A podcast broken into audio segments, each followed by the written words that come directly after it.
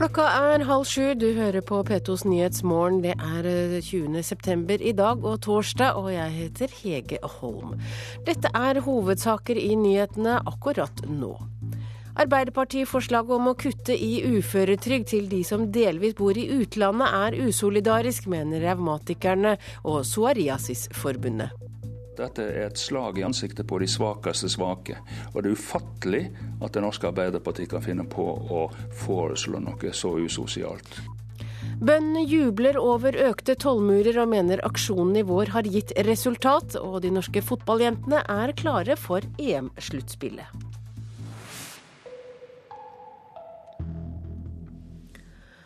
Arbeiderpartiets forslag om å kutte i uføretrygden til de som bor i utlandet vil ramme syke hardt og er svært usolidarisk. Det mener både Revmatikerforbundet og Psoriasisforbundet.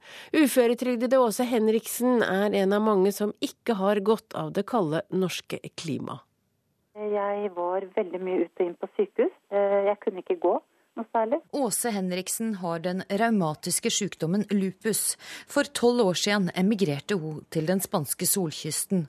Da jeg kom ned til Spania, så fikk jeg jo mulighet til å etter hvert bevege meg mer og mer ute. Varmen der hjelper henne til å holde seg frisk. Jeg er en helt annen person enn det jeg var når jeg reiste ned. I går fortalte NRK at Arbeiderpartiet vil stoppe eksporten av trygder ut av landet. De foreslår bl.a. at uføretrygda skal prisreguleres til landet en mottar den i. Svein Dovøy i Raumatikerforbundet reagerer sterkt. Dette er et slag i ansiktet på de svakeste svake. Og det er ufattelig at Det norske Arbeiderpartiet kan finne på å foreslå noe så usosialt. Også psoriasispasienter lever bedre i varmere strøk. Og heller ikke Terje Nordengen i Psoriasisforbundet er nådig når han hører forslaget om å kutte i uføretrygda. Dette blir usolidarisk og urettferdig overfor en gruppe hvor, hvor faktisk da klimaet i seg sjøl er helseeffekten. En gjennomsnittlig uførepensjon er på 175 000 kroner i året. For uføre i Spania vil trygda bli redusert til 119 000. For de nær 500 som får norsk uføretrygd i Thailand, vil trygda bli på skarve 54 000 i året. Mange av eh, våre medlemmer i Revmatikerforbundet vil jo ikke kunne reise lenger. Av de vel fire trygdemilliardene som hvert år blir eksportert, går 1,5 av de til uføretrygda. Det vil koste langt mer å tvinge disse til å flytte hjem, mener Dovøy. Det vil belaste det norske helsevesenet mye mer. Dette er folk som avlaster det norske helsevesenet. De tar ansvar for sin egen helse ved å dra til utlandet og gjøre det beste ut av livssituasjonen sin. Costa Blanca-kysten har gitt uføre Åse en bedre fungerende kropp og et lettere liv. Hvis Arbeiderpartiet endrer trygdene, må trolig flytte hjem igjen. Jeg vet ikke om jeg hadde hatt råd til å gjøre det, rett og slett. Og leder av velferdsutvalget i Arbeiderpartiet, Hadia Tajik, sier at det er viktig å forhindre at Norge har så store trygdeutbetalinger ut av landet.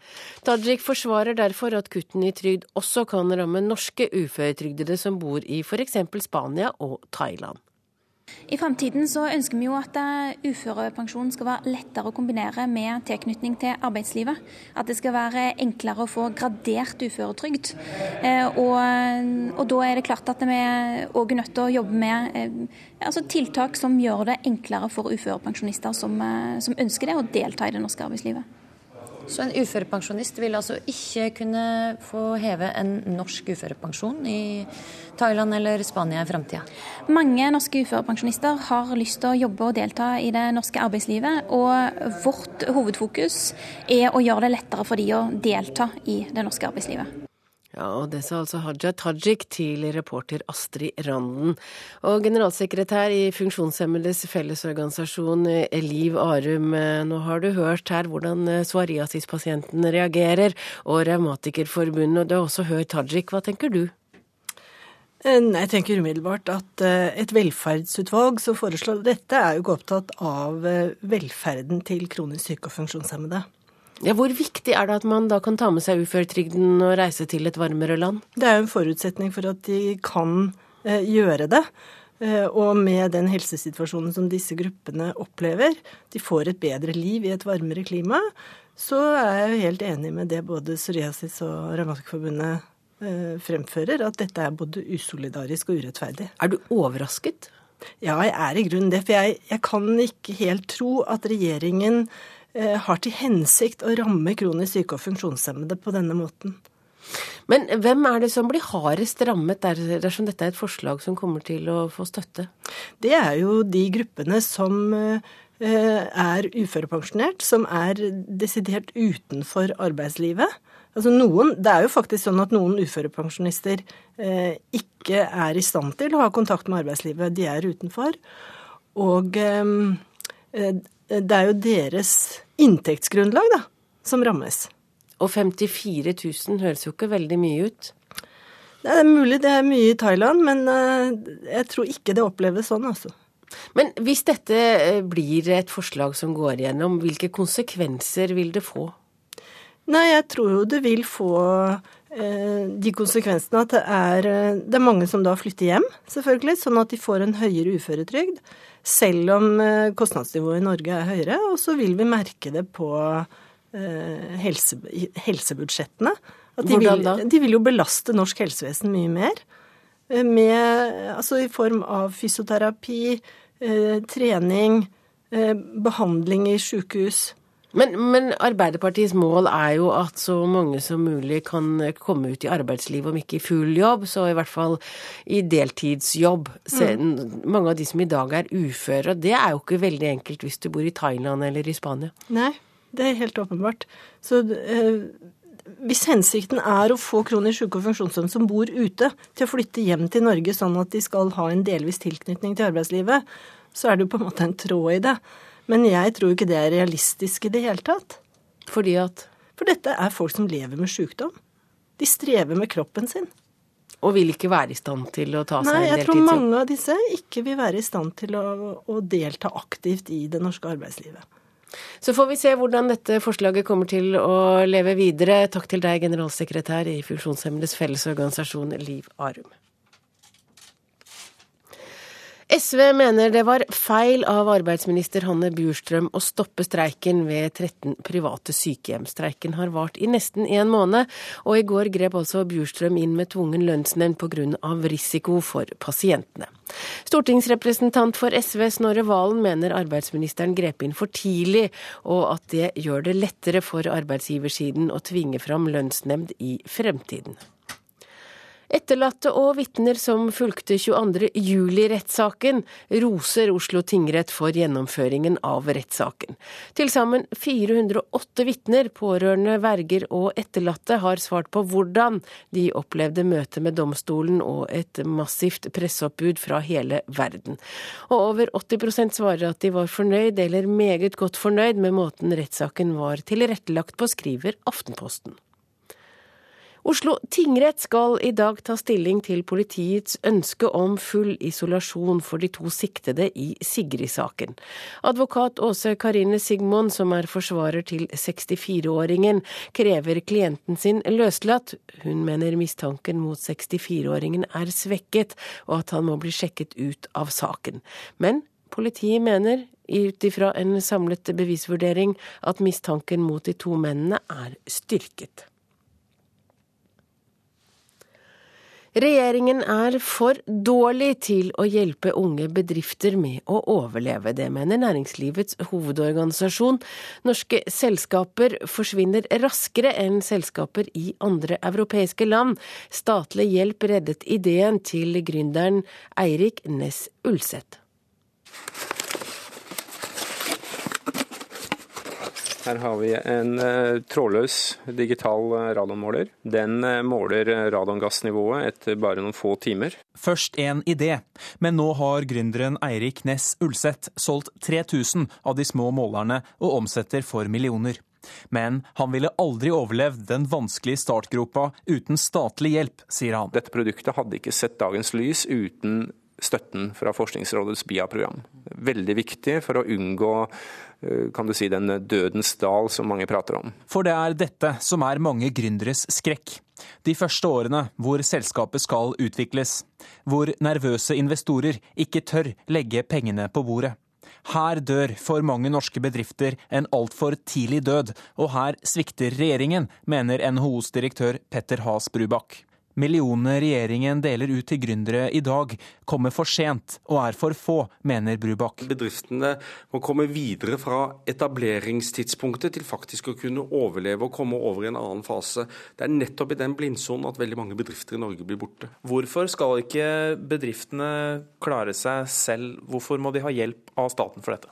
Staten bør bidra der hvor statens innsats gir en merverdi, og det gjør den akkurat i denne fasen. Næringsminister Trond Giske deler ikke bekymringen til NHO. Nei, Jeg deler ikke en bekymring, men jeg deler et engasjement for å gjøre ordningene eh, som i dag er gode, enda bedre i morgen. Men jeg mener at det kommer for lite penger for seint. Syns du det er noe i den kritikken?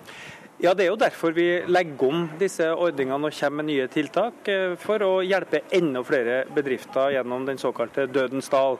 Men noen bedrifter eh, kommer aldri til å klare seg, og sånn må det være. Vi må starte opp flere bedrifter enn dem som eh, overlever.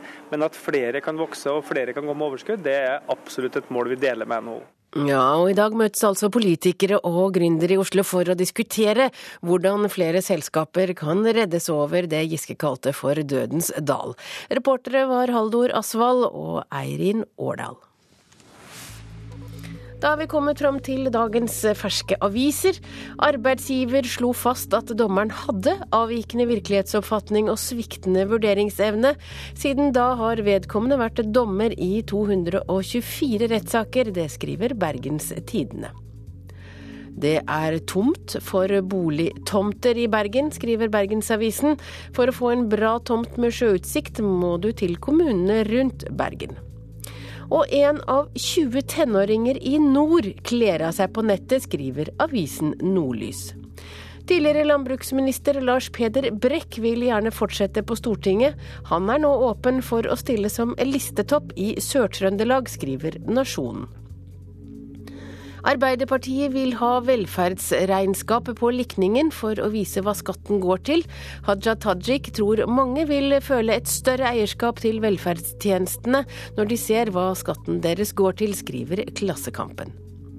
Arbeiderpartiet lover bedre kår for frivillige organisasjoner, dere skriver Vårt Land. Dagsavisen har en hjerteskjærende sak i dag om lille Camilla som må reise ut av Norge fordi moren hennes er i landet som au pair.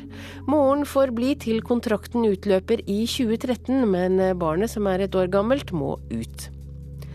Fokus Bank saksøkes av en mann fordi han tapte 138 millioner kroner på valutaspekulasjon.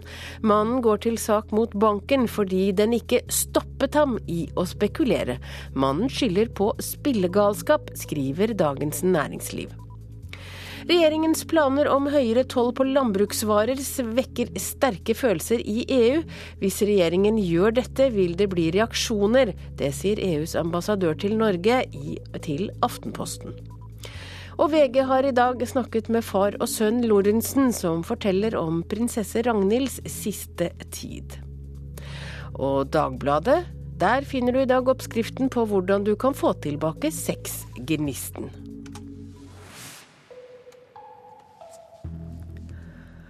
Og da er vi klar for en eh, gladmelding fra sportens verden. Norge slo Island 2-1 på Ullevål i går kveld, og er dermed klare for EM-sluttspillet i kvinnefotball. Svært viktig for norsk kvinnefotball, sier en lettet landslagstrener Eli Landsem. Det er ikke noe annet enn super, super deilig. Nå har vi god tid til å forberede oss og kan begynne å legge de planene allerede inn mot helga. Superveteran Solveig Gudbrandsen og resten av laget kjempet innbitt på Ullevål i går kveld, og fikk belønning for strevet. Nei, det var kjempegøy. Det har vært litt, litt sånn trøkka stemning sånn lite grann. Det har vært to veldig viktige kamper. så det var utrolig deilig å, å, klare det. Det var Maren Gjelde som skåra Norges første mål, som kom helt på tampen av første omgang etter en litt nølende norsk start på kampen. Uh, nei, det var et godt slått frispark av Solveig, og så plutselig var jeg helt ledig. Det var ingen som fulgte meg, så da tenkte jeg bare sånn denne her må jeg klare å sette. Så det var en ekstremt deilig følelse. Vi hadde en helt klar plan i forhold til at vi skulle legge oss bakpå og kontre dem i seng og, senk og prøve å krige dem ut av stilen. Og det syns jeg vi klarte til de grader. så vi ble selvfølgelig litt pressa mot slutten, men det må vi bare regne med. Og med seier 2-1 over Island kan Norge begynne å forberede seg til neste sommers sluttspill, som går i Sverige i juli. Nei, nå er det og Først skal de få lov til å nyte denne, og så skal de jo rett hjem og, og spille for klubblagene sine. Og så skal vi nok bruke de internasjonale datoene vi har eh, utover høsten. Og så skal vi legge hele lista fram mot neste sommer og begynne allerede nå. Ja, og reporter her var Pål Thomassen. Du hører på Nyhetsmorgen i NRK P2 og Alltid nyheter. Klokka er 6.45, og dette er hovedsaker i nyhetene akkurat nå. Arbeiderpartiets forslag om å kutte i uføretrygd til de som bor i utlandet er usolidarisk. Det mener både Revmatikerne og Psoriasisforbundet. Norge er altså klar for EM-sluttspillet i kvinnefotball. Og følg med, så får du høre at svenskene nå krangler om ordet hen. Et kjønnsnøytralt ord for hun og han.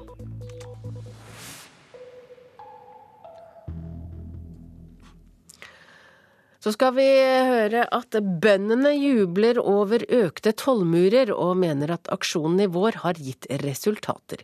Regjeringen har bestemt seg for å øke tollsatsene på mat for å hindre at bøndene møter konkurranse fra utlandet. Nå hadde spesielt ikke Senterpartiet noe annet valg enn å tilfredsstille bøndene sine krav. Det mener bl.a. bondelagsleder i Eid kommune i Sogn og Fjordane, Knut Tore Nes Gjelle. Nei, Bøndene har lagt et stort press på, på politikerne og regjeringa, og ikke minst Senterpartiet nå siste året. Så, så, de var nødt til å komme. De var nødt til å levere noe nå, hvis ikke så tror jeg de hadde slitt veldig til valget til høsten. Bondelagslederen i Eid, Knut Tore Nes Gjelle, smiler nøyd i fjøsen sin der flere titalls mjølkekyr tygger drøv ved fòrbrettet. Bondeaksjonene i vår ryster grunnfjellet til Senterpartiet. Langs veiene kan folk fremdeles se banner der sinte bønder hevder at staten svikter bonden. Skulle hatt valg litt oftere, så kan hende vi hadde fått gjennomslag for kravene våre oftere òg. For etter tøffe forhandlinger i regjeringa har Senterpartiet fått gjennomslag for å skifte fra kronetoll til prosenttoll. Dette gjelder i første rekke biff og kjøttfileter, lam og hareoster. Det gjør igjen at bøndene her til lands skal få bedre pris for varene sine. Prisene har stått i ro nå i 20 år, mens kostnadene bare øker og øker. Så det, det sier seg selv. Vi får ikke noe nysatsing, vi får ikke noe investering i landbruket hvis ikke prisene blir bedre. Dette her blir bare helt feil når de skal øke tollsatsene. Men lenger ute langs Nordfjorden er det ikke landbruk, men fisk som er hovedlevebrødet for mange. På fiskerikaia i Måløy ligger ringnotbåter på rekke og rad. Det er midt under makrellfiske, og på kaia er stemninga dårlig. Vi føler oss litt ofra, ja. Fiskarlagsleder i Sogn og Fjordane, Jarl Magne Silden, mener staten nedprioriterer fiskerinæringa framfor jordbruket. De frykter at når Norge nå øker tollmurene mot import av mat, blir straffa at det blir vanskeligere å eksportere fisk ut av landet. Fiskeriet er en eksportnæring, og vi lider nå ut av det som skjer i Europa. Det går vel kanskje an å tenke litt nytt òg, og ikke bare rope på vern og sånne ting. Vi har måttet greit oss sjøle her nå og greit å få til de verdiene som vi skaper, uten å rope for mye på staten. Så da kan det hende at kanskje bøndene nå kanskje må begynne å tenke litt nytt. Måløy er en av landets viktigste eksporthavner for fisk. På et kontor lenger borte i sentrum sitter styreleder i Fiskeri- og havbruksnæringens landsforening, Gunnar Domstein. Han er rysta over regjeringa og frykter sjømatnæringa blir straffa. I utgangspunktet så er det jo en uhy uhyrlig sak det her. Vi er jo veldig bekymra for hvordan dette her vil påvirke andre distriktsnæringer, som fiskeri og havbruk tross alt er. Og vi er avhengig av å selge våre varer ut i verden, og enhver form for strengere importtoll til Norge vil bli oppfatta ute som handlinger som kanskje kan bli møtt med lignende tiltak på våre produkter. og Det er vi veldig bekymra for. Traktoren durer forbi den nye store samdriftsfjøsen som bonden i Eide driver sammen med naboer. Men Knut Tore Nes Gjelle er lite glad for å være i konflikt med fiskerne. I fiskerinæringa så har de nå hele tida greid å ta ut priser som står i stil med kostnadsutviklinga som de har i sin næring. Og Det har vi ikke klart i, i landbruket. så jeg syns det er veldig vanskelig å sammenligne disse her to næringene. Men for å snakke for, for vår del, da, så er vi iallfall helt avhengig av å, å, få på plass et godt importvern. Ja, og reporter i Nordfjord var Asgeir Reksnes. Oljerikdommen har gitt nordmenn dårligere moral, og tallet på trygdede i Norge er kunstig høyt, det sa forretningsmann og mangemilliardær Olav Thon da han besøkte karrieredagene på BI i Bergen i går. Når man eh, ser at det er 300 eh, 000 som, eh, som går på trygd, det er jo så langt høyere enn det er andre steder. Mener du da at folk har fått dårligere moral? Det tror jeg faktisk du har rett i. At det er når det blir unødvendig å arbeide for å opprettholde livet, så er det ikke nødvendig å løpe eh, på arbeidet, eh, selv om du skulle eh, føle litt, litt vondt her og der. Ja, og det sa altså Olav Thon til reporter Kaspar Knutsen. Da skal vi til en helt spesiell debatt. Det er en ny bokutgivelse som har skapt en hissig avisdebatt i Sverige, og det er altså ordet hen som er det store stridstemaet. Flere mener at også i Norge bør vi ta i bruk det kjønnsnøytrale begrepet hen i tillegg til hun og han. Og den svenske forfatteren Jesper Lundqvist har brukt ordet i en barnebok, og han mener at hen har en viktig funksjon mest uppenbara användningsområdet tycker jag man inte vet könet på den man pratar om. Till exempel, jag var hos doktorn idag. Vad sa han? Nej, det var ingen han, det var en hon. Jaha, vad sa hon? Och så först då kommer man till informationen. Så man, liksom, man ska fastställa könet hela tiden istället för att säga jag var hos doktorn, vad sa hen? Ja, hen sa att jag var kärnfrisk. Ja, men det var ju bra. Lundqvist vil ha slutt på forventningen om at gutter er guttete og jenter jentete. Også for transpersoner kan et nøytralt kjønnsbegrep være nyttig, mener han. Og han ser gjerne at hen også finner veien inn i det norske språket. Det gjelder vel i Norge, precis som i Sverige, at, at tykker man det er interessant eller har en anledning å anvende noe av de her områdene, så, så er det vel bra om ordet finnes. Det er, ja, skal vi se 80 sider eller noe? Skal vi se om innholdsfortegnelsen Jorunn Resets tatoverte håndledd styrer hendene gjennom masteroppgaven hun har skrevet om nettopp ordet hen. Hun vil også ha begrepet til Norge, bl.a. ut ifra et likestillingsperspektiv. Kjønn må bli en mindre del av, av hverdagen da, i det hele tatt.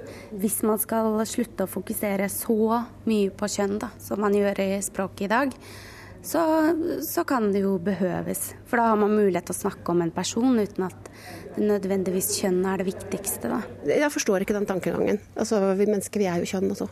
Det er, noe, det er ikke noe vi kan legge fra oss. Det sier språkprofessor Janne Bondi Johannessen. Jeg syns det blir veldig kunstig å skulle bytte ut eh, akkurat ett pronomen, eller bytte ut to, da med ett. Språkprofessoren understreker at hun synes det er svært viktig å jobbe for likestilling. Jeg tror at eh, vi heller skal de som er kvinner, skal være stolte over å være kvinner. De som er menn, skal være stolte over å være menn. Og så skal vi også eh, selvfølgelig ha full likestilling. Og det er det vi må arbeide for. Og ikke innføre noen nye ord som skal eh, liksom tilsløre hva vi er. Ja, så får vi se hvordan det går med ordet hen her i Norge. I Sverige er iallfall dette vakt debatt. Reporter var Gjermund Jappé. Det er nå ett år igjen til valget, og hvis alt går etter planen, er det et nytt parti som stiller til valg, nemlig Piratpartiet. Nå er kampen i gang for å få fildeling og opphavsrett på den politiske dagsorden. Vi trenger 5000 signaturer for å bli registrert i partiregisteret. Ok. Ja, så flott. Piratpartiet er ute for å kapre underskrifter. De mobiliserer nå, ett år før stortingsvalget. Jeg håper vi får din underskrift også. De er kledd i Piratpartiets T-skjorte. Håkon Wium Lie og Geir Aaslid, som jeg treffer på Institutt for informatikk på Universitetet i Oslo. Her treffer vi jo folk som vet hva datalagringsdirektivet er for noe. Eh, de kjenner seg igjen i de tingene vi er opptatt av. Det de er opptatt av, er at fildeling skal bli lovlig. Opphavsretten skal bare gjelde i 14 år, og alle verk som er statsstøttede skal tilbys i digital versjon til skattebetalernes frie bruk. Det er mange mennesker der ute, mange internettbrukere, som er aktive og som også ser de samme mulighetene. Men partiene har ikke sett dette helt ennå. Men det er ikke noe du betaler husleie med det? Mm, at du har blitt sett av mange på YouTube? Men vi har allerede i dag kompensasjon fra staten til organisasjonene på dette som kalles privat kopiering. Det finnes et fond for det. Om det fondet skal øke eller minske, det kan vi diskutere framover. Men vi har rutiner på plass for å kompensere for disse tingene i Norge. Vi har et kulturliv som er veldig, i veldig stor grad offentlig finansiert. Hovedpoenget vårt er at den kulturen skal skapes, den må nå flere mennesker. Professor i sammenlignende politikk Frank Aarebrot tror Piratpartiet lett kan skaffe de 5000 underskriftene som skal til for å stille til valg, men tror det er fare for at folk velger seg andre partier når de går til valglokalene om ett år. Deres valgmuligheter er nok uh, atskillig mer vanskelig. vanskelige. I forrige uke var det valg i Nederland, hvor det i stor grad sto mellom to store partier. Et konservativt og et sosialdemokratisk. En slik situasjon gir trange kår for nye og mindre partier, og piratpartiet der fikk svært lav oppslutning. Aarebrot tror sjansen er stor for at noe lignende vil skje i Norge. Det er vel grunn til å tro at det er nøyaktig det samme som kommer til å skje i Norge om uh, et år. Men Li og Åslid i det norske piratpartiet holder kursen stø mot 5000 underskrifter og valgkamp. Vår ambisjon er å komme inn på Stortinget i 2013. Eh, for å få til det må vi først registreres som politisk parti. Vi må inn i partiregisteret. Dvs. Si at vi må samle 5000 underskrifter. På papir! det burde jo vært digitalt! Oi, oi, oi, ja ja, men det blir helt sikkert det hvis Piratpartiet får mye makt. Der, der hørte vi altså Håkon Vium Li, som var optimist og håper at Piratpartiet stiller til valg neste år. Reporter var Ina Strøm. Og da har vi kommet fram til et værvarsel som gjelder til midnatt. I fjellet i Sør-Norge av og til vestlig kuling sør i Langfjella. Snøbyger vesentlig i vest, regn under 700-900 meter. Og det kan komme sol. Østland og Telemark til dels pent vær. Om ettermiddagen forbigående spredte regnbyger vesentlig nord og vest for Oslo. Agder vest for Mandal spredte regnbyger. I ettermiddag spredte byger også i øst. I kveld opphold. Vestlandet først på dagen opp i liten kuling mellom sørvest og nordvest. Regnbyger, snøbyger over 800 til 1000 meter, og det kan bli torden. Trøndelag regnbyger, flest byger nord for Trondheimsfjorden. Snøbyger over 800 til 1000 meter. Og i Nordland i ettermiddag økende til liten kuling i nord. Regnbyger. I kveld kan hende torden i sør. Troms på kysten enkelte regnbyger, ellers opphold og perioder med sol. I kveld nordlig frisk bris og regn. Finnmark først på dagen lokal tåke på vidda, perioder med regn. I kveld opphold på vidda. Nordensjøland på Spitsbergen. I øst spredt sludd, ellers opphold og perioder med sol. Og så har vi noen temperaturer som ble målt klokka fem. Svalbard lufthavn to, Kirkenes tre, Vardø sju, Alta sju, Tromsø tre, Bodø ni, Brønnøysund 7, Trondheim-Værnes 7, Molde 6, Bergen-Flesland 7, Stavanger 6 og Kristiansand-Kjevik hadde også 6 varmegrader.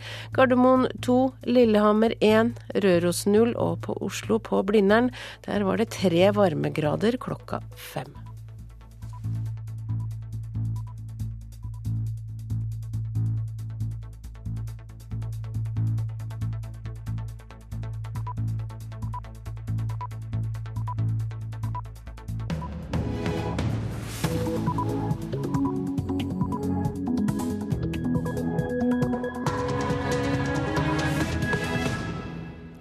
Klokka er sju, du hører på Nyhetsmorgen og jeg heter Hege Holm, og her er en nyhetsoppdatering. Etter bare fire måneder har over halvparten av landets fastleger fått omtaler på den nye nettsiden Legelisten. Legene er ikke like begeistret. Om, om at man trenger popularitetsbarometre for å sikre seg kvalitet på sånne områder, det er jeg høyst usikker på. Ja, det sa fastlege Gisle Smith. Det var feil av arbeidsministeren å gripe inn med tvungen lønnsnemnd for å, opp, for å løse opp sykehjemskonflikten, det mener SV. Arbeiderpartiforslaget om å redusere uføretrygden for dem som tar trygden med seg til utlandet, er usolidarisk. Det mener flere forbund for folk med helseplager. Et velferdsutvalg som foreslår dette, er jo ikke opptatt av velferden til kronisk syke og funksjonshemmede.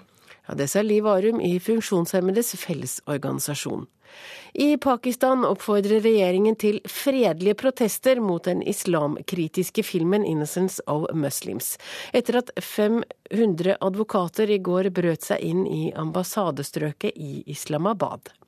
Mitt Romney forsøker å reise seg etter de nedsettende kommentarene om at halve USA er trygdemottakere. campaign is about the 100% in America, and I'm concerned about them. Og snart to år etter at etterforskningen startet, er det fremdeles ingen som er straffet for ulykken på Gullfaks C. Ja, Da skal vi snakke om eh, en nettside som kaller seg for Legelisten. Der kan man legge inn omtaler av fastleger, og dette er blitt en svært populær liste. Etter bare fire måneder har over halvparten av alle landets fastleger fått omtaler, og de får både ris og ros. Han er arrogant og gir inntrykk av å ikke like pasienten. Hun er flink og bruker god tid. Endelig ei som fant ut hva som plager meg. Over 100 000 personer har så langt vært innom nettstedet legelisten.no for å lese omtalene av fastlegene. En av dem er Kirsti Amundsen i Trondheim. Hun syns informasjonen var nyttig da hun skulle velge seg ny lege. For det første så får du jo et inntrykk av hvem du bør unngå, helt klart. Og så får du også de som får gode omtaler, er jo vel så viktig. fordi at det er jo de du kanskje mm, tenker at det er lurt å velge, da. Den store interessen viser at folk sulter etter mer informasjon. Det sier Lars Håkon Sørås, en av fire privatpersoner som står bak nettsiden. Nei, Det var en dag jeg skulle prøve å bytte fastlege selv, og fant ut at det var eh, omtrent helt umulig å finne ut noe som helst om de fastlegene man kunne velge til. Så det var veldig mange fastleger man kunne velge, men informasjonen om de var veldig, veldig begrenset. Så tenkte jeg her det, bør det være mulighet for å lage en litt bedre tjeneste for eh, folk som er på jakt etter en ny fastlege. Folk som skriver om legene får være anonyme, og på forhånd advarte mange om at det ville komme mange useriøse kommentarer. Men dette løses med streng redigering, sier Sørås. Det har til tider vært noe useriøse vurderinger som har kommet inn, og det har vi redigert bort. Eh, mange fryktet nok at dette kom til å bli en slags gapestokk for, for fastleger, hvor det var veldig mye drittslenging om, om, fastleger. Det vi ser er at eh, de fleste kommentarene faktisk er positive, og det henger nok sammen med at eh, de fleste faktisk er fornøyd med fastlegen sin, og, og veldig mange tar seg faktisk bryet å skrive eh, om fastlegen som de er så glad i, på, på nettsiden vår. Den er kunnskapsrik, positiv og effektiv, du verden. Han vender hele kroppen vekk fra PC-en under samtalen. Det er jo viktig. Og tar heller små pauser. Fastlege Gisle Smith på Bogerud i Oslo har fått flere positive kommentarer. Likevel er han litt usikker på om han syns det er nyttig med en slik nettside. De tingene som, som tydeligvis er retta positivt når det, når det, gjelder meg selv, på de tre-fire stykkene som har gått inn på dette, sier jo ting som er like. Men om, det, om, om at man trenger popularitetsbarometre for å eh, sikre seg eh, kvalitet på sånne områder, det er jeg høyst usikker på. Ja, Reportere her var Tom Ingebrigtsen og Kjartan Røslett. Og Svein Aarseth, du er kommet i studio. Du er fastlege og du er leder av Oslo legeforening. Hva syns du om at folk kan nærmest trille terninger over gjerningene deres? Nei, for det første så så er det vel en, en, slik side er jo helt lovlig, og vi må bare akseptere at de er der. Eh, og så håper jeg at de som står bak siden, tar ansvar, og, og det virker jo som de gjør, men jeg skulle ønske at det også sto hvem som var ansvarlig redaktør på siden. Eh, så får vi leve med både hyggelige og mindre hyggelige tilbakemeldinger. Ja, Legene er jo der for pasientene, så det er, jo, det er jo en måte å finne ut på hvilken lege en har eh, lyst til å bytte til hvis en er misfornøyd med den en har. Ja, det er klart, og det er viktig at man klarer å finne fram til en lege som man er fornøyd med og kommer ut av det med. For det er jo tross alt en relasjon mellom to mennesker som skal fungere. Og da, da må man liksom føle seg trygg på at det er sånn. Uh, men om, om, dette alene er nok til å velge den riktige legen, det er jeg mer usikker på. Men tror du dette vil gjøre fastlegene bedre? For det de får jo også kritikk, og de kan eh, lese kritikken av andre. Eh, det er jeg usikker på. Og på vårt kontor så har vi valgt en litt annen framgangsmåte til å forbedre oss. Vi har brukt eh, spørre- eller kartlegginger mot pasientene våre. Men, men, hva slags reaksjoner har du fått fra andre fastleger etter at eh, legelisten eh, ble kjent? Eh, for det første så har det nok ikke vært helt kjent blant alle fastleger ennå. Altså, det er en del som kanskje får seg en overraskelse i dag når det, de går inn? det er helt klart. Men igjen, det viktige er at, at pasient og lege kommer overens med hverandre. Og at det blir en, en fruktbar relasjon. Men det som er en fruktbar relasjon for en pasient, det trenger jo ikke nødvendigvis å være det for en annen, selv om eh, vedkommende som har det bra, skriver om et eh, fornøyd forhold? Nei, Det tror jeg er et veldig viktig poeng, og derfor tror jeg vel også at uh, han har sagt jungeltelegrafen er vel så viktig når man skal velge fastlege, som en slik nettside. Ja, Virker jungeltelegrafen? Altså, Vi har jo hørt om fastleger som, eh, som har så mange pasienter at uh, ingen forstår helt hvordan de kan uh, ha tid til alle sammen, mens andre ikke har så fulle lister. Ja, Da er det jo altså slik at alle de pasientene som står på den listen, de blir ivaretatt eller føler seg ivaretatt, og, det er jo det viktigste. Men ser du noen negative sider ved en slik liste for legenes skyld?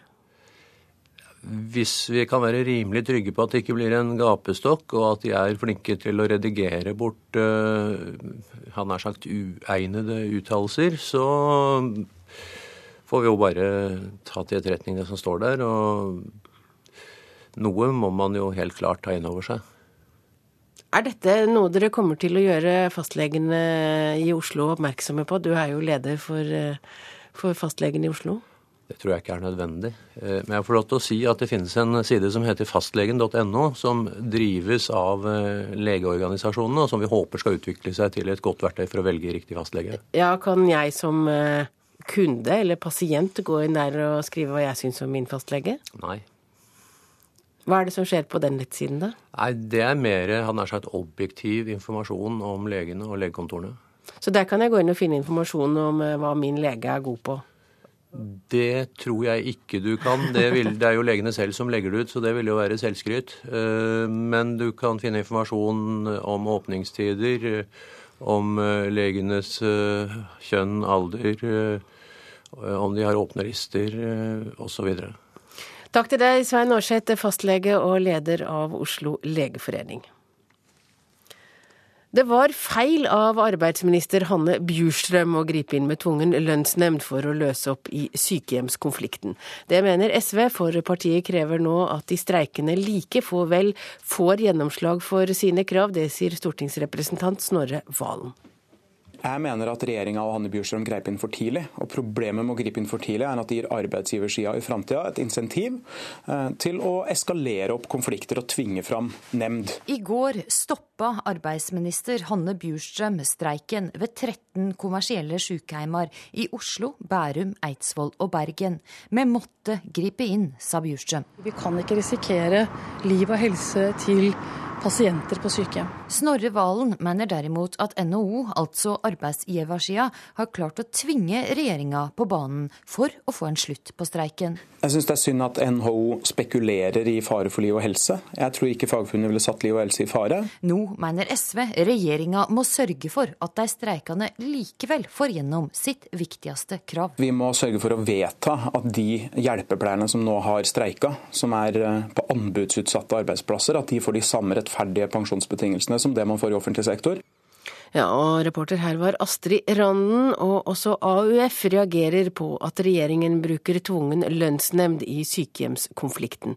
Dette er tredje gang på kort tid at regjeringen har brukt dette virkemidlet for å få slutt på streiker.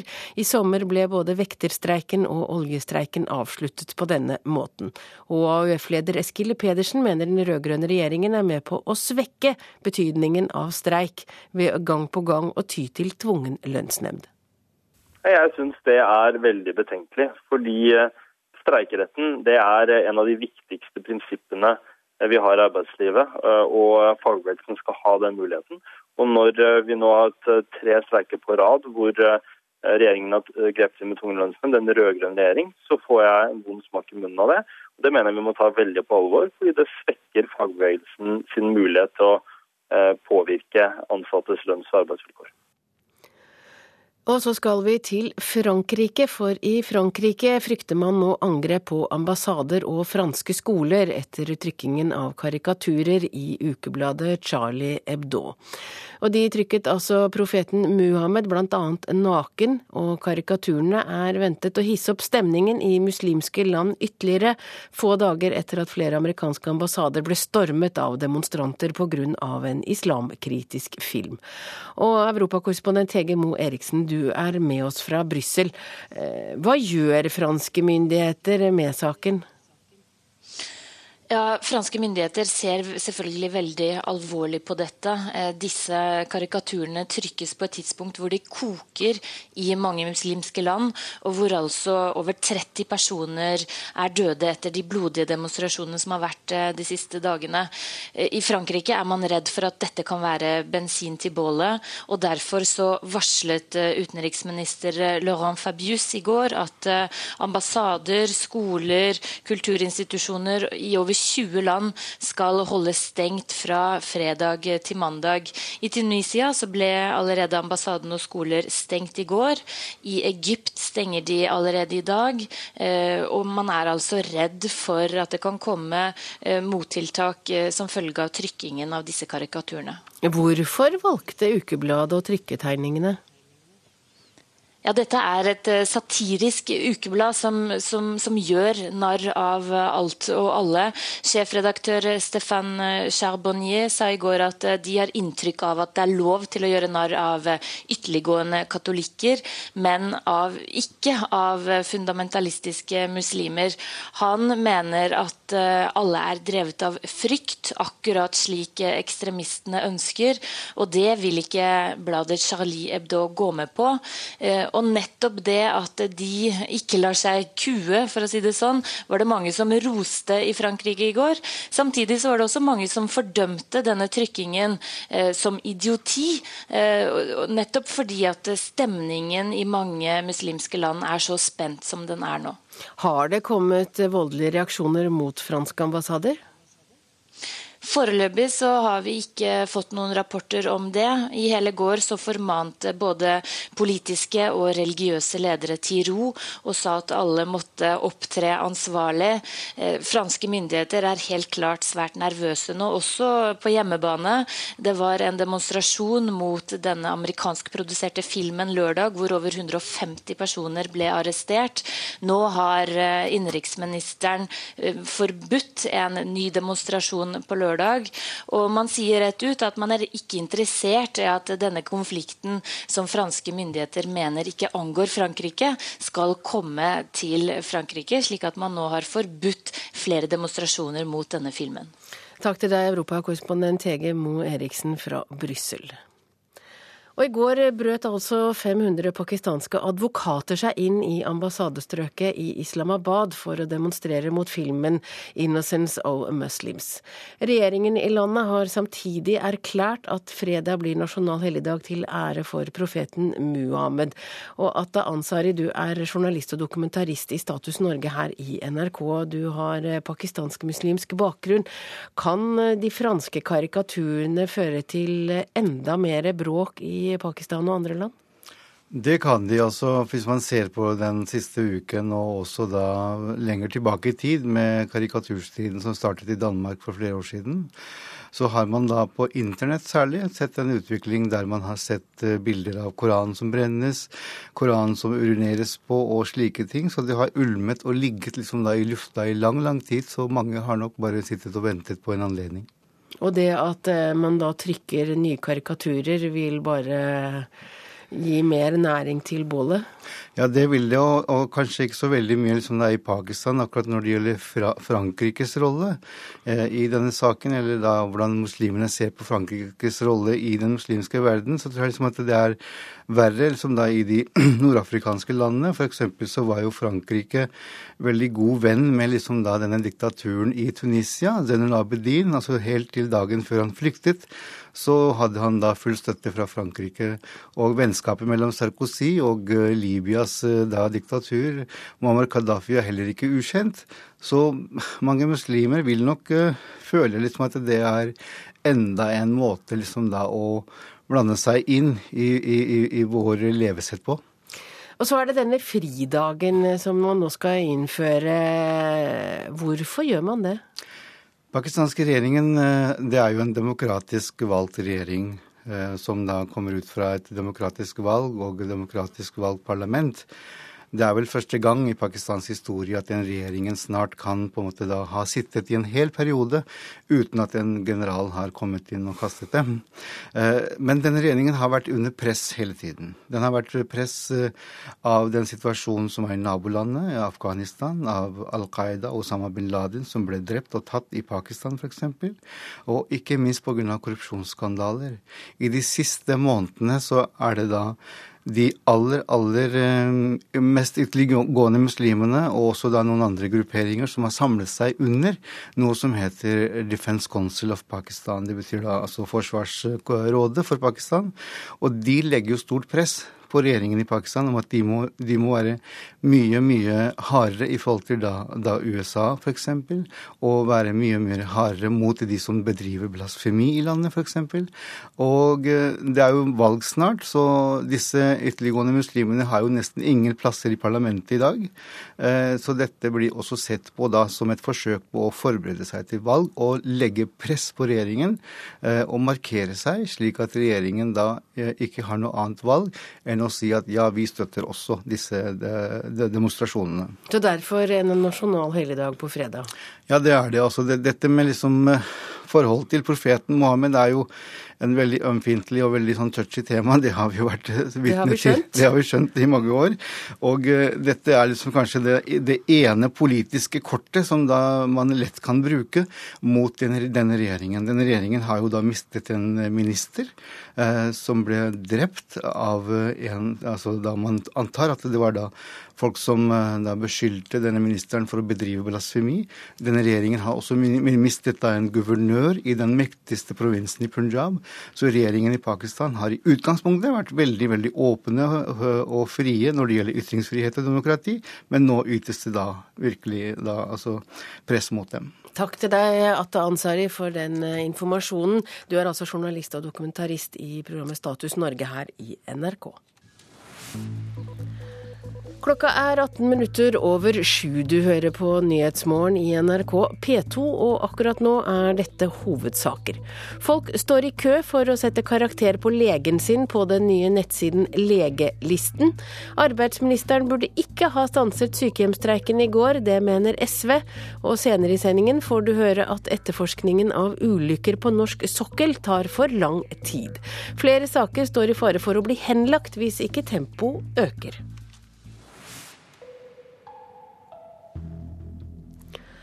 Mitt Romney forsøker å reise seg etter de nedsettende kommentarene om at halve USA er trygdemottakere. Romney sier nå at han vil gjøre en bedre jobb ved å hjelpe fattige bedre enn det presidenten gjør. Politics has driven us apart in some respects. So my campaign is about the 100% in America, and I'm concerned about them. Min kampanje handler om 100% av amerikanerne. Å samle landet igjen etter år med splittelse, sier Mitt Romney under et møte med latinosvelgere i Florida i natt. Før Florida holdt den republikanske presidentkandidaten en ny pengeinnsamling i Georgia. Samme type arrangement som 17. mai, da han ble filmet i skjul og stemplet Obamas velgere som trygdemottakere. Men denne gang var kameraet til stede. Just a tape came out uh, a couple of days ago with the president saying, yes, he believes in redistribution. I don't. I believe the way to lift people and to help people have higher incomes is not to take from some and give to others, but to create wealth for all of us. Romney viser til et 14 år gammelt videoopptak som dukket opp denne uka, der Obama sier at han tror på en viss fordeling av velstand. I think the trick is figuring out how do we structure government systems that pool resources and hence facilitate some redistribution because I actually believe in redistribution. Republikanernes beskjed er at de ikke vil redistribuere rikdom, men skape den. Romney-kampanjen legger om strategien etter en rekke negative oppslag og feiltrinn de siste ukene. De vil bli mer fokuserte og detaljerte på spørsmål som opptar amerikanerne. Romney satser nå på å gjøre valget til en avstemning om økonomisk vekst og størrelsen på myndighetsapparatet. The question this campaign is not who cares about the poor and the middle class. I do, he does. The question is who can help the poor and the middle class? I can, he can't. He's proven it Spørsmålet er ikke hvem som bryr seg om de fattige og middelklassen. Jeg gjør det, han gjør det, sa Romney i natt. Spørsmålet er hvem som kan hjelpe de fattige og middelklassen. Jeg kan, han har bevist de fire siste årene at han ikke kan, sier Romney om Obama. I'm concerned that if we stay on the path President Obama has put us on, America is going to change in ways we can't imagine. Nyhetsbyrået Reuters har bestilt en måling etter mediestormen som fulgte offentliggjøringen av det hemmelige videoopptaket. 43% av registrerte velgere ser mer negativt på Romney etter uttalelsen, som stempler 47% av amerikanerne som trygdemottakere. 26% ser mer positivt på presidentkandidaten. Uavhengige velgere, som Romney forsøker å nå, er blant dem som har fått et mer negativt syn. Kommentatorer mener Romney fortsatt kan reise seg og gjøre dette til en jevn valgkamp. Det kommer et par rapporter til om økonomiens tilstand før valget. Hendelser ute i verden kan påvirke, som f.eks. uroen i Midtøsten, og Romney kan gjøre det bedre enn ventet i presidentdebattene i oktober. Kampanjen selv fokuserer på den stagnerte økonomien med Obama som kaptein. En politikk som har tvunget flere amerikanere til å motta sosialhjelp og matkuponger. Samtidig har flere republikanere forsøkt å distansere seg fra Romney. De frykter han ikke klarer å stable kampanjen på beina igjen sju uker før valget. Et par sentrale i partiet, Dean Heller og Susanna Martinez, har stilt seg bak republikanske kandidater som har avvist Romneys utsagn. De mener Mitt Romney kan ha ødelagt partiets sjanser til å få en president, vinne flertallet i Senatet og beholde de setene de har i dag i representanthuset. Anders Tvegård, Washington. Og da har vi kommet fram til dagens ferske aviser. Arbeidsgiver slo fast at dommeren hadde avvikende virkelighetsoppfatning og sviktende vurderingsevne. Siden da har vedkommende vært dommer i 224 rettssaker, skriver Bergens Tidende. Det er tomt for boligtomter i Bergen, skriver Bergensavisen. For å få en bra tomt med sjøutsikt må du til kommunene rundt Bergen. En av 20 tenåringer i nord kler av seg på nettet, det skriver avisen Nordlys. Tidligere landbruksminister Lars Peder Brekk vil gjerne fortsette på Stortinget. Han er nå åpen for å stille som listetopp i Sør-Trøndelag, skriver Nasjonen. Arbeiderpartiet vil ha velferdsregnskap på likningen for å vise hva skatten går til. Haja Tajik tror mange vil føle et større eierskap til velferdstjenestene når de ser hva skatten deres går til, skriver Klassekampen. Arbeiderpartiet lover bedre kår for frivillige organisasjoner, skriver Vårt Land. Dagsavisen har en hjerteskjærende sak om lille Camilla på ti måneder som må reise ut av Norge fordi moren hennes er i landet som au pair. Moren får bli til kontrakten utløper i 2013, men barnet må ut. Fokus Bank saksøkes av en mann fordi han tapte 138 millioner kroner på valutaspekulasjon. Mannen går til sak mot banken fordi den ikke stoppet ham i å spekulere. Mannen skylder på spillegalskap, skriver Dagens Næringsliv. Og regjeringens planer om høyere toll på landbruksvarer vekker sterke følelser i EU. Hvis regjeringen gjør dette, vil det bli reaksjoner, sier EUs ambassadør til Norge til Aftenposten.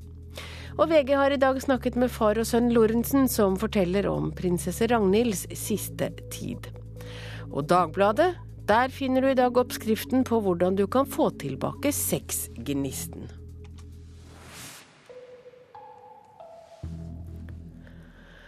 Bare tilfeldigheter gjorde at boringen av Gullfaks C i mai 2010 ikke endte i en storulykke. Politiet startet etterforskningen og Bellona anmeldte saken, men likevel er saken blitt sittende fast i et tregt system. Snart to år etter at etterforskningen startet, er det fremdeles ingen som vet noe om, og noen som vet ellers ingen, hvem som må ta straffen for ulykken på Gullfaks C. Generelt så tar uh, sokkelsaker lang tid, og veldig ofte for lang tid. Førstestatsadvokat i Rogaland, Harald Grønlien, er lei av å vente på de såkalte sokkelsakene. Etterforskning og påtale etter ulykker ute på plattformene tar for lang tid. Vi har mange saker som er blitt både tre og fire år gamle, som vi kanskje hadde forventa skulle kunne gå mye raskere gjennom systemet. En av sakene som nå har tatt nesten to år, er etterforskningen av nestenulykken på Gullfaks C i mai 2010. lekkasjen ved Gullfaks C i mai i år Selskapet mista kontrollen over brønnen på plattformen Gullfaks C. Politiet innleier etterforsking mot Statoil etter nestenkatastrofen på Gullfaks C-plattformen i mai. Et hull i et av rørene nede i brønnen kunne lett ha blitt en storulykke, mente Petroleumstilsynet, og politiet startet etterforskning i november. To dager etter kom også Bellonas anmeldelse av saken, men nå, nesten to år etter det igjen, er saken fremdeles i systemet. Nei, vi har altså ikke hørt noen ting mer fra politiet. Vi har derfor tatt kontakt med Riksadvokaten eh, i forbindelse med denne og fem andre anmeldelser som vi mener er grove brudd på lovverket, eh, og som vi ser at politiet ikke klarer å etterforske. Fredrik Hauge i Bellona er oppgitt over tregheten og mener Rogaland politidistrikt, som etterforsker de fleste sokkelsakene, ikke har god nok kunnskap på feltet. Men det vil ikke påtaleleder Bjørn Andersen være med på. Nå har Rogaland politidistrikt eh, etterforsket sokkelsaker eh, i veldig mange år. Jeg har opparbeidet en kompetanse på det. Så, så sett fra min posisjon så har vi ikke en problemstilling i forhold til kvalitet. Jeg skal ikke stikke under stolen at det har tatt lengre tid enn det det burde. Og, og til det, det har ligget på kapasitet i den siste tiden. Men Gullfaks-saken er ikke den eneste saken hvor påtale lar vente på seg. Det sier statsadvokaten i Rogaland. Jeg vet det er andre alvorlige saker også som jeg gjerne skulle hatt hit for lenge siden. Nå snakker jeg kun om sokkelsaker. Så det er andre saker som du vet er trege i systemet og du ikke har fått? Fra flere politidistrikt, ja. Og enkelte saker har til og med blitt henlagt mens de har vært i systemet. Vi mener jo at det er fare her for at også denne saken da kan bli henlagt pga. foreldelse, slik vi har sett andre saker gjøre. Og det er jo helt avgjørende at vi har et system som ikke lar disse sakene her gå ut pga. foreldelsestidsfristen. Det har skjedd. Jeg skal ikke si at det ikke kommer til å skje i fremtiden, men det er jo en veldig lite ønskelig, ønskelig resultat av en etterforskning. Blant annet Bellona har jo mast på Riksadvokaten om å mase på dere i disse sakene. Er det sånn at mas funker? I utgangspunktet så er det et uh, sterkt ønske om å, å, å levere uh, både kvalitet og hurtighet. Så, så uh, med mas blir jo lagt merke til, for å si det på den måten. Men, men i utgangspunktet så ønsker vi jo å få sakene ferdigstilt. Men selv om det nå har tatt tid, så skal det ikke ta så mye lenger. Det sier Andersen i politiet. Saken nå ligger til påtalemessig behandling, og en kan forvente at det vil foreligge et resultat derfra om relativt kort tid. Og reporter her var Inger Johanne Stenberg. Klokka er øyeblikkelig halv åtte. Da er det tid for Dagsnytt. Og etter Dagsnytt skal vi ta et siste farvel med romfergen, som er den siste som forlater Kennedy romfartssenter i Florida. I Politisk kvarter der kommer Høyres Bent Høie og Arbeiderpartiets Helga Pedersen. Og tar jeg ikke feil, så kommer velferdsstaten til å være et av temaene i hvert fall de skal diskutere.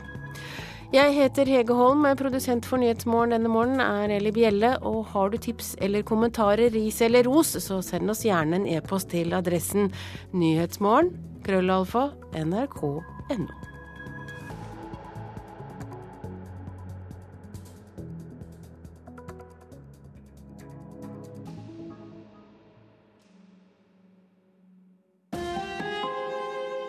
Hør ekko. Han har aldri vært utenfor Rwandas grenser.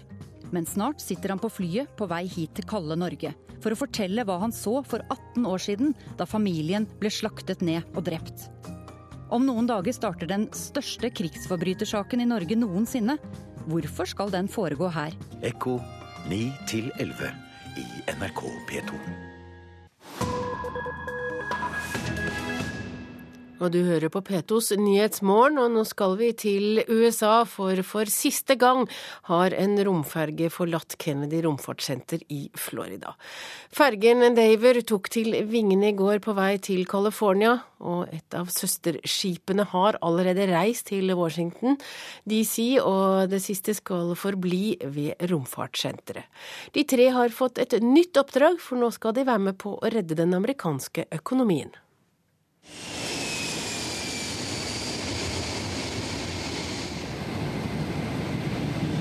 And wheels up unofficially at 7:22 a.m. Eastern Daylight Time. Så var det definitivt over. En romferge forlater Kennedy Space Center i Florida for siste gang.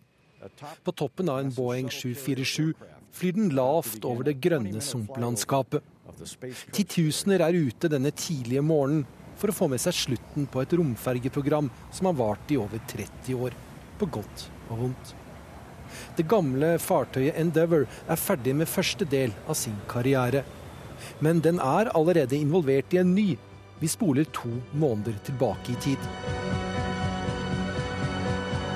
Now it is your turn. Decide now.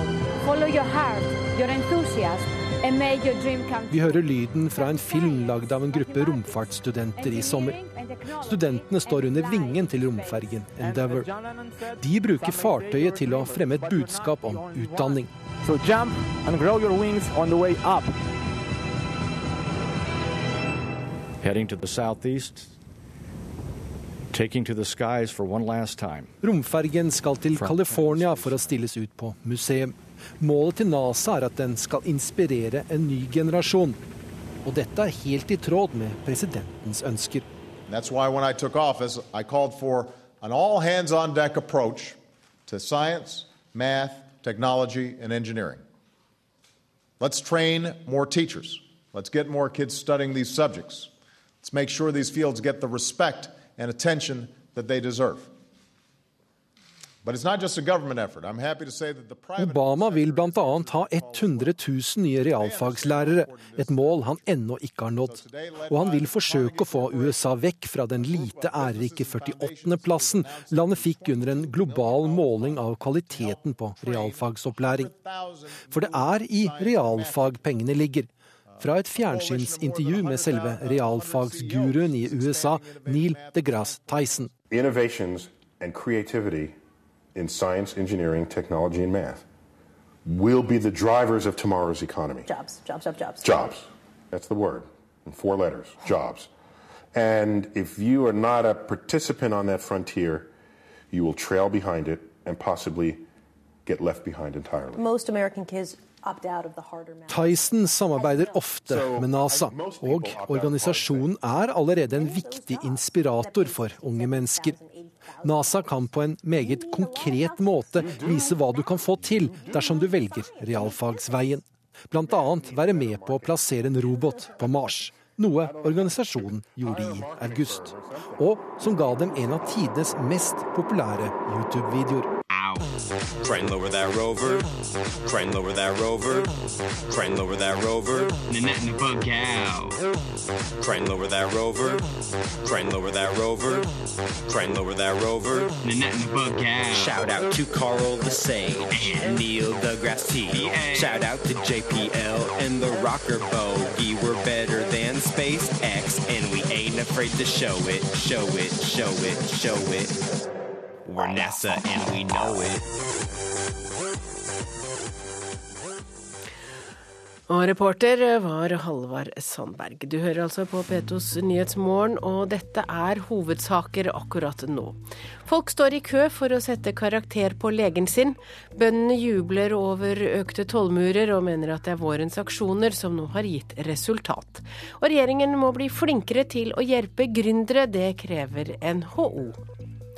Klokka den er 7.44 og vi skal til Politisk kvarter, for der eh, skal det handle om Høyre som ja, kanskje det er blitt lyseblått, eller kanskje det bare er innpakningen som er ny.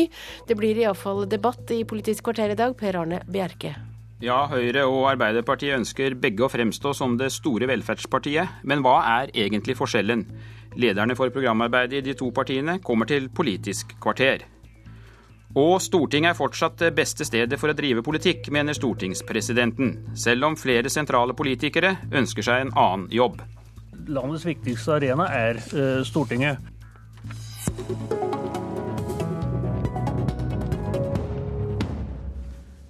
Velkommen til Politisk kvarter, leder i Høyres programkomité Bent Høie. Du er med meg fra Stavanger. Ja. På Høyres landsmøte i 1989 beskyldte partileder og senere statsminister Jan P. Syse Arbeiderpartiet for å ha stjålet Høyres klær. Har dere med det programmet som ble lagt frem denne uka, endelig klart å stjele klærne tilbake? Nei, Nå tror jeg verken eh, jeg eller Helge hadde passet klærne våre fra 1989. Så vi har lagd eh, en eh, nye ideer og bedre løsninger på de problemene som folk opplever i Norge i dag. Og det er vel kanskje det òg som er en del av Høyres suksess, at mange ser til oss i disse dager. Det er at vi kommer med nye løsninger på de virkelige problemene som virkelig folk møter i hele landet. Helga Pedersen, du leder programarbeidet i Arbeiderpartiet. Er det et nytt og lyseblått Høyre vi nå ser? Jeg ser først og fremst eh, gammeldags høyrepolitikk når jeg ser eh, Høyre sitt eh, program. Og Vi kan konstatere at Høyre og Arbeiderpartiet har helt forskjellige syn på samfunnet og ønsker helt forskjellig retning på samfunnet. Vi ønsker å styrke fellesskapsløsningene, og vi ønsker å bruke de store, de store pengene på de store oppgavene, som er eldreomsorg, helse og skole. Der Høyre fortsatt, som i 1989, ønsker å bruke de store pengene på skattekutt, der de tar til orde for en storstilt privatisering privatisering av norske velferdstjenester og ønsker å øke bruken av midlertidige ansettelser. Dette er ikke ny politikk. Eh, Bent Høie, er det slik Helga Pedersen sier at dere står for noe helt annet? For dere vil si også at dere skal ta vare på den nordiske modellen med små forskjeller i samfunnet? Ja da, og det Arbeiderpartiet er alltid opptatt av å prøve å lage et skremmebilde av, av Høyre. Jeg tror at uh, både Høyre-folk og Arbeiderpartifolk engasjerer seg i politikken for å skape et bedre samfunn. Og så har vi noen ulike løsninger på det, og jeg mener våre løsninger er bedre. Jeg tror at det er helt vesentlig for å ha eh, verdiskapning i Norge i årene framover, at vi har et eh, lokalt norsk eierskap. Derfor er det vi foreslår å fjerne den særnorske formuesskatten på et norsk eh, eierskap. Og Så mener Høyre at eh, det er viktig å prioritere hvor en bruker de store pengene hen. Og Der har jo Arbeiderpartiet nå de siste årene hatt rekordhøy økonomisk handlingsrom. Ingen regjering før denne har hatt så mye penger, men allikevel har vi bare brukt litt mer på alle områder og ikke evna å prioritere det som er viktigst, nemlig kunnskap, vei, forskning og utvikling, og gi folk et godt helsetilbud. La oss da gå rett på en del konkrete programposter i programmene deres. Helga Pedersen, hva mener egentlig Arbeiderpartiet om ytelsene til uføretrygdede som bor i utlandet? Vil dere kutte i ytelsene, eller vil dere ikke gjøre det? Vi ønsker ikke å ramme syke og uføre, og vi ønsker eh, ikke å innføre kjøpekraftsjustering som et generelt tiltak for eh, uføretrygda. Er det feil å gå tilbake på deres egen programpost nå? Nei, det som Haja Tajik tok til orde for i går, det var jo en eh, forsterka innsats mot trygdeeksport, som er eh, en utfordring, og som vil bli det i enda større grad i årene som eh, kommer. Så det her er jo ting som ligger til diskusjon i partiorganisasjonen nå. Vi mener det er viktig å slå ned på trygdeeksport for bl.a. å bevare legitimiteten til, vår, til vårt sosiale sikkerhetsnett, og for å sikre at vi bruker pengene der de trengs aller mest. Men jeg skjønner at det her har skapt usikkerhet eh, blant eh, de uføretrygda, og det var ikke hensikten. Bent Høie, dette er jo dere også inne på deres program. Hva vil dere gjøre med ytelsene til trygdede som velger å flytte utenlands? For det første så tror jeg alle som hørte Hadia Tajik forsto at hun hadde tenkt å prisjustere uføretrygden, men jeg forstår at Arbeiderpartiet nå snur. Det er bra, for det hadde vært veldig uheldig for mange, spesielt eh, revmatikere som har stor glede av å oppholde seg i varme strøk i store deler av året. Men vårt svar på dette er f.eks. å gjøre kontantstøtten kommunal. Eh, gjennom å ha en lovfesta kommunal kontantstøtte, så vil eh, det være som krav at barnet oppholder seg i den eh, kommunen som et alternativ til barnehage, får foreldrene kontantstøtte. Da slipper en denne prisjusteringen, men samtidig sikrer at ikke en sender kontantstøtten til barn som bor i Polen eller i Portugal. Det virker jo som om dere snur når det gjelder uføretrygdede. Helga Pedersen, er det for å demme opp for høyresiden dere gjør dette her? Eh, nei, det er det ikke. Vi står veldig solid fast på at vi skal ha et sosialt sikkerhetsnett i Norge. Og det skal gjelde alle som eh, bor i Norge. Men vi må samtidig ha gode ordninger som sikrer at det ikke blir eh, utnytta. Og så må jeg bare få komme med en replikk til Bernt Høie. For det er en veldig klar sammenheng mellom de sosiale ordningene vi gjør, de velferdstjenestene vi har, og det næringslivet og det arbeidslivet vi har. Og det å innføre lokal kontantstøtte, det, det, mener jeg for det første er naivt å tro at det ikke kan eh, misbrukes. Det er nå det ene. Men for det andre så er jo det et veldig treffsikkert virkemiddel for å trekke folk ut av arbeidsmarkedet. Og er det én ting norske bedrifter trenger, eh, så er det arbeidskraft. Og vi vet også at de største brukerne av kontantstøtte i dag, eh, det er innvandrerfamilier som bare ender opp med én inntekt hvis eh, mora skal eh, gå på kontantstøtte. Så det her her bidrar til mindre integrering, mindre deltakelse i det norske velferdssamfunnet. Og det er en utvikling som vi er er nå, har, imot. nå har jo Arbeiderpartiet hatt flertall i syv år, så hvis du er så imot kontantstøtten, så er det veldig rart at du ikke har klart å avskaffe den i løpet av de syv årene. Det som er viktig for Høyre med kontantstøtten, det er at det skal være et alternativ til alle de familiene som ikke lever et A4-liv eh, der en går på kontor klokka åtte om morgenen og hjem klokka fire. Norge ser veldig ulikt ut i ulike deler av landet. Eh, Alle kan ikke benytte seg av det som er dagens barnehagetilbud. Noen ønsker ikke å benytte seg av barnehagetilbud, noen ønsker å mer, ha noe mer tid hjemme med barna. De må òg få et eh, alternativ, og der kan staten bidra med litt gjennom kontantstøtten, men de fleste av de som bruker kontantstøtten, legger jo ned en voldsom egeninnsats og egenprioritering gjennom å gjøre andre valg enn det Arbeiderpartiet mener at alle andre, andre skal ta. Vi har lagt om kontantstøtten, og det har vi gjort fordi at eh, det er viktig å eh, integrere innvandrere. Det er viktig å stimulere til arbeidsinnsats for alle menneskene i det norske samfunnet. Og dessuten viser det seg jo at barnehageplass er så utrolig mye mer attraktivt for den norske eh, befolkninga. Det Bernt Høie her tar til orde for, det er veldig gjenkjennbar høyrepolitikk, som vil bidra til mindre arbeidsdeltakelse og større forskjeller i det norske Helt riktig. Det å la familien få lov til å velge, det er god Skal vi se på en annen viktig del av velferdspolitikken, sykehusene. Det er jo da mye uro omkring sykehusene, ikke minst eh, Ahus. Nå leser vi i Aftenposten i morges om nye varsler om krise på Ahus og mangel på ansatte. Og store problemer. Helga Pedersen, dere har sittet med ansvaret i sju år. Er det ikke like greit å innrømme at dere ikke har fått det til? Jeg mener at vi har fått til mye i det norske helsevesenet. Aldri før har så mange behand blitt behandla som uh, nå. Og Og overlevelsen store på problemer med Ahus, det var det jeg spurte om. Veldig mye går i riktig retning, og vi har et godt norsk helsevesen. Og så ser vi jo også at det er ting som ikke fungerer godt eh, nok. eh, og at det skjer feil og uhell ved norske sykehus som absolutt ikke skulle ha skjedd. Og det er veldig trist, de hendelsene vi har hatt ved eh, Ahus. Og da er spørsmålet hva skal vi gjøre med det fremover.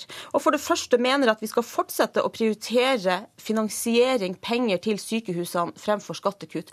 Og så må vi gå tungt inn i det som handler om kvalitet og pasientsikkerhet. Og der har vi eh, nå kommet med flere forslag til det i forbindelse med programarbeidet. Bent Høie, hva vil dere gjøre for å få orden på sykehusvesenet dersom dere skulle få regjeringsmakt etter neste valg?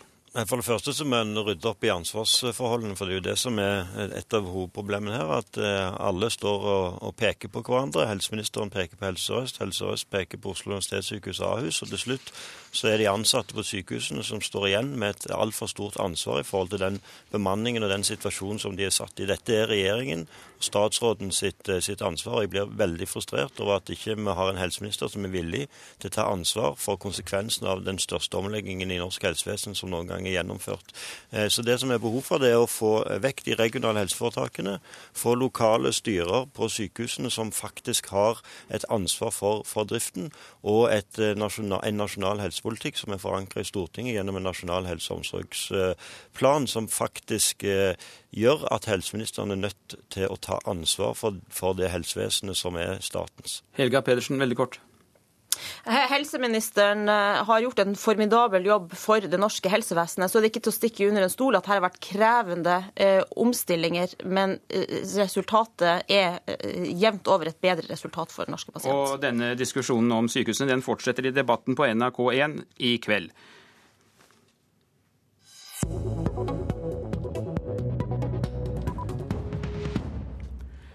Det er mulig at Stortinget likevel ikke er et så godt sted å sitte, i motsetning til hva Nils Kjær formulerte i Det lykkelige valg. For nå har to av de mest sentrale politikerne sagt nei til fire nye år på Løvebakken. Ketil Solvik-Olsen fra Fremskrittspartiet og Senterpartiets Ola Borten Moe, begge muligens kronprinser i sitt eget parti, vil ikke ta gjenvalg. Det handler om familiær situasjon. Vi ønsker å ha en skal vi kalle det geografisk fleksibilitet de neste årene.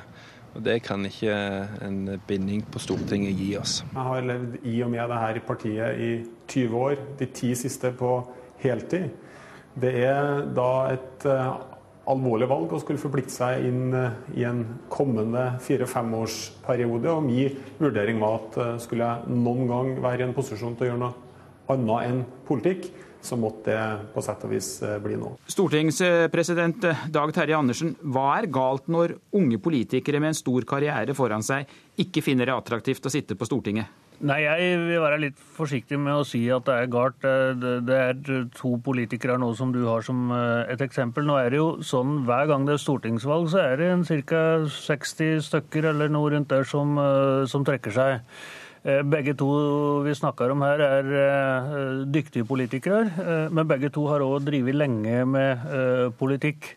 Og det at de nå skaffer seg annen erfaring og eventuelt kommer tilbake til politikken, det kan være et pluss når de kommer tilbake igjen. Så en skal ikke se bare svart på det.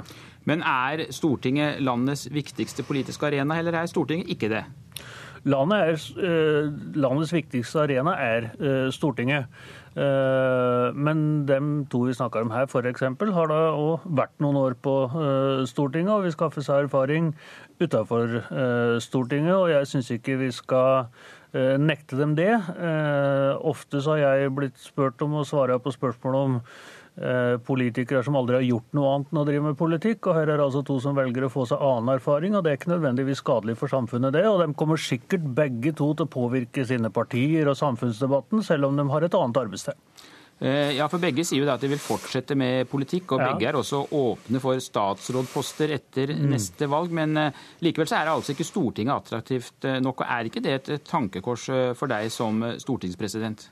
Det er verdt å tenke på uh, at eh, Stortinget fortsatt skal være den viktigste institusjonen uh, i Norge. Men det at noen velger å få seg erfaring er jo fra andre sider enn daglig politikk. Det er faktisk med å berike politikken. For jeg er sikker på dem to vi snakker om nå, og mange andre, fremdeles kommer til å påvirke som sagt, både i partiene sine og i den offentlige debatten. Men eh, Dag Terje Andersen, er det egentlig litt eh, kjedeligere og litt mindre interessant å sitte på Stortinget så lenge vi har en flertallsregjering og de aller fleste beslutninger blir tatt i regjeringskvartalet? Ja, For å svare for min egen del, så er det her det mest interessante stedet jeg kan sitte. Men nå, nå er jeg heldig å ha en spesiell funksjon i Stortinget. Eh, eh, det er klart det at eh, flertallsregjering gjør at det ikke blir så mange kompromisser og muligheter til å påvirke i Stortinget. På en annen side så bør stortingspolitikerne fra regjeringspartiet ha mulighet til å påvirke før regjeringa legger fram noe. Så, så, det er ikke sånn at, at regjeringa har stortingsflertallet til disposisjon. Regjeringa skal representere stortingsflertallet, og det gir innflytelse for dem som sitter i Stortinget. Nå er vi midt i nominasjonsprosessene mm. i alle partier. Føler du deg overbevist om at vi klarer å få de beste politikerne innvalgt på Stortinget? Jeg er trygg på at ingen plass kommer til å stå ubesatt. Og jeg kjenner til de fleste partier i de fleste fylker, så er det, eh, så er det kandidater eh, som er gode til å representere. Og når du sier de beste kandidatene, så er det jo sånn at Stortinget skal være representativt for hele den norske befolkninga. Eh, og det er sånn at Det beste Stortinget får vi hvis det er sammensatt sånn at vi har erfaring fra privat sektor, fra offentlig sektor, eh, fra eh, primærnæringer, fra servicenæringer. Mangfold i samfunnet, rett og slett. For det er summen av det som gir Stortinget den kunnskapen som gjør at vi kan være representative for, for det landet vi skal representere. Hvis alle blir like, så får vi ikke til det. Så jeg er litt usikker på hva du mener med de beste representantene, men vi kan vel si det sånn, Bjerke, at eh, hvis eh, Norge er i en situasjon der de sju beste fotballspillerne eh, i Norge til ei viss tid er venstrebacker, så er det ikke riktig at vi stiller med sju venstrebacker på landslaget. Og sånn er det å sette sammen et politisk team. Det beste får vi når det er mangfold. Og det var Politisk kvarter med Per Arne Bjerke.